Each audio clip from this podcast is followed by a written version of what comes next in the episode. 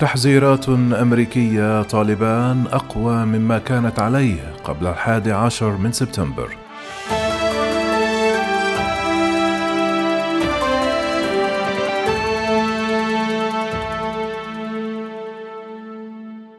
قال النائب الأمريكي الجمهوري مايك والتز لشبكة Fox News أن الوضع في أفغانستان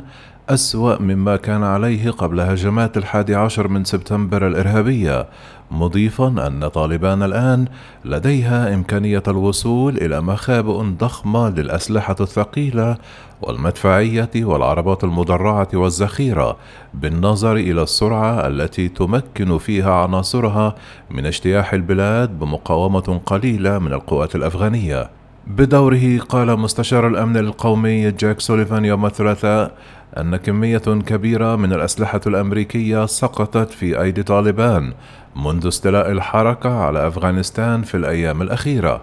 خلال مؤتمر صحفي بالبيت الأبيض سأل أحد الصحفيين سوليفان عما سيحدث بمليارات الدولارات من المعدات بما في ذلك البنادق والذخيرة والمروحيات وغيرها التي أعطيت للحكومة الأفغانية في العقدين السابقين أجاب مستشار بايدن بإيجاز ليست لدينا صورة كاملة بالطبع عن المكان التي ذهبت إليه معدات الدفاع وأضاف لكن بالتأكيد قدر لا بأس به وقع في أيدي طالبان ومن الواضح أننا لن نشعر بأنهم سيسلمونه إلينا على الفور في المطار كما اعترف سوليفان في مقابلة بأن سيطرة طالبان على أفغانستان. تكشفت بسرعة غير متوقعة لكنه دافع عن طريقة تعامل الرئيس جو بايدن مع الانسحاب. كما صرح سيليفان لم يعتقد الرئيس الأمريكي أنه من المحتم أن تسيطر طالبان على أفغانستان وأضاف أعتقد أن قوات الأمن الوطنية الأفغانية يمكن أن تقاتل لأننا أمضينا عشرون عاما ندربهم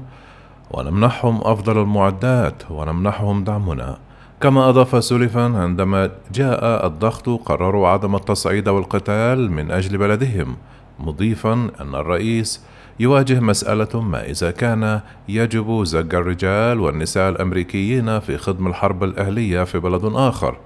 عندما لا يقاتل جيشهم للدفاع عنهم.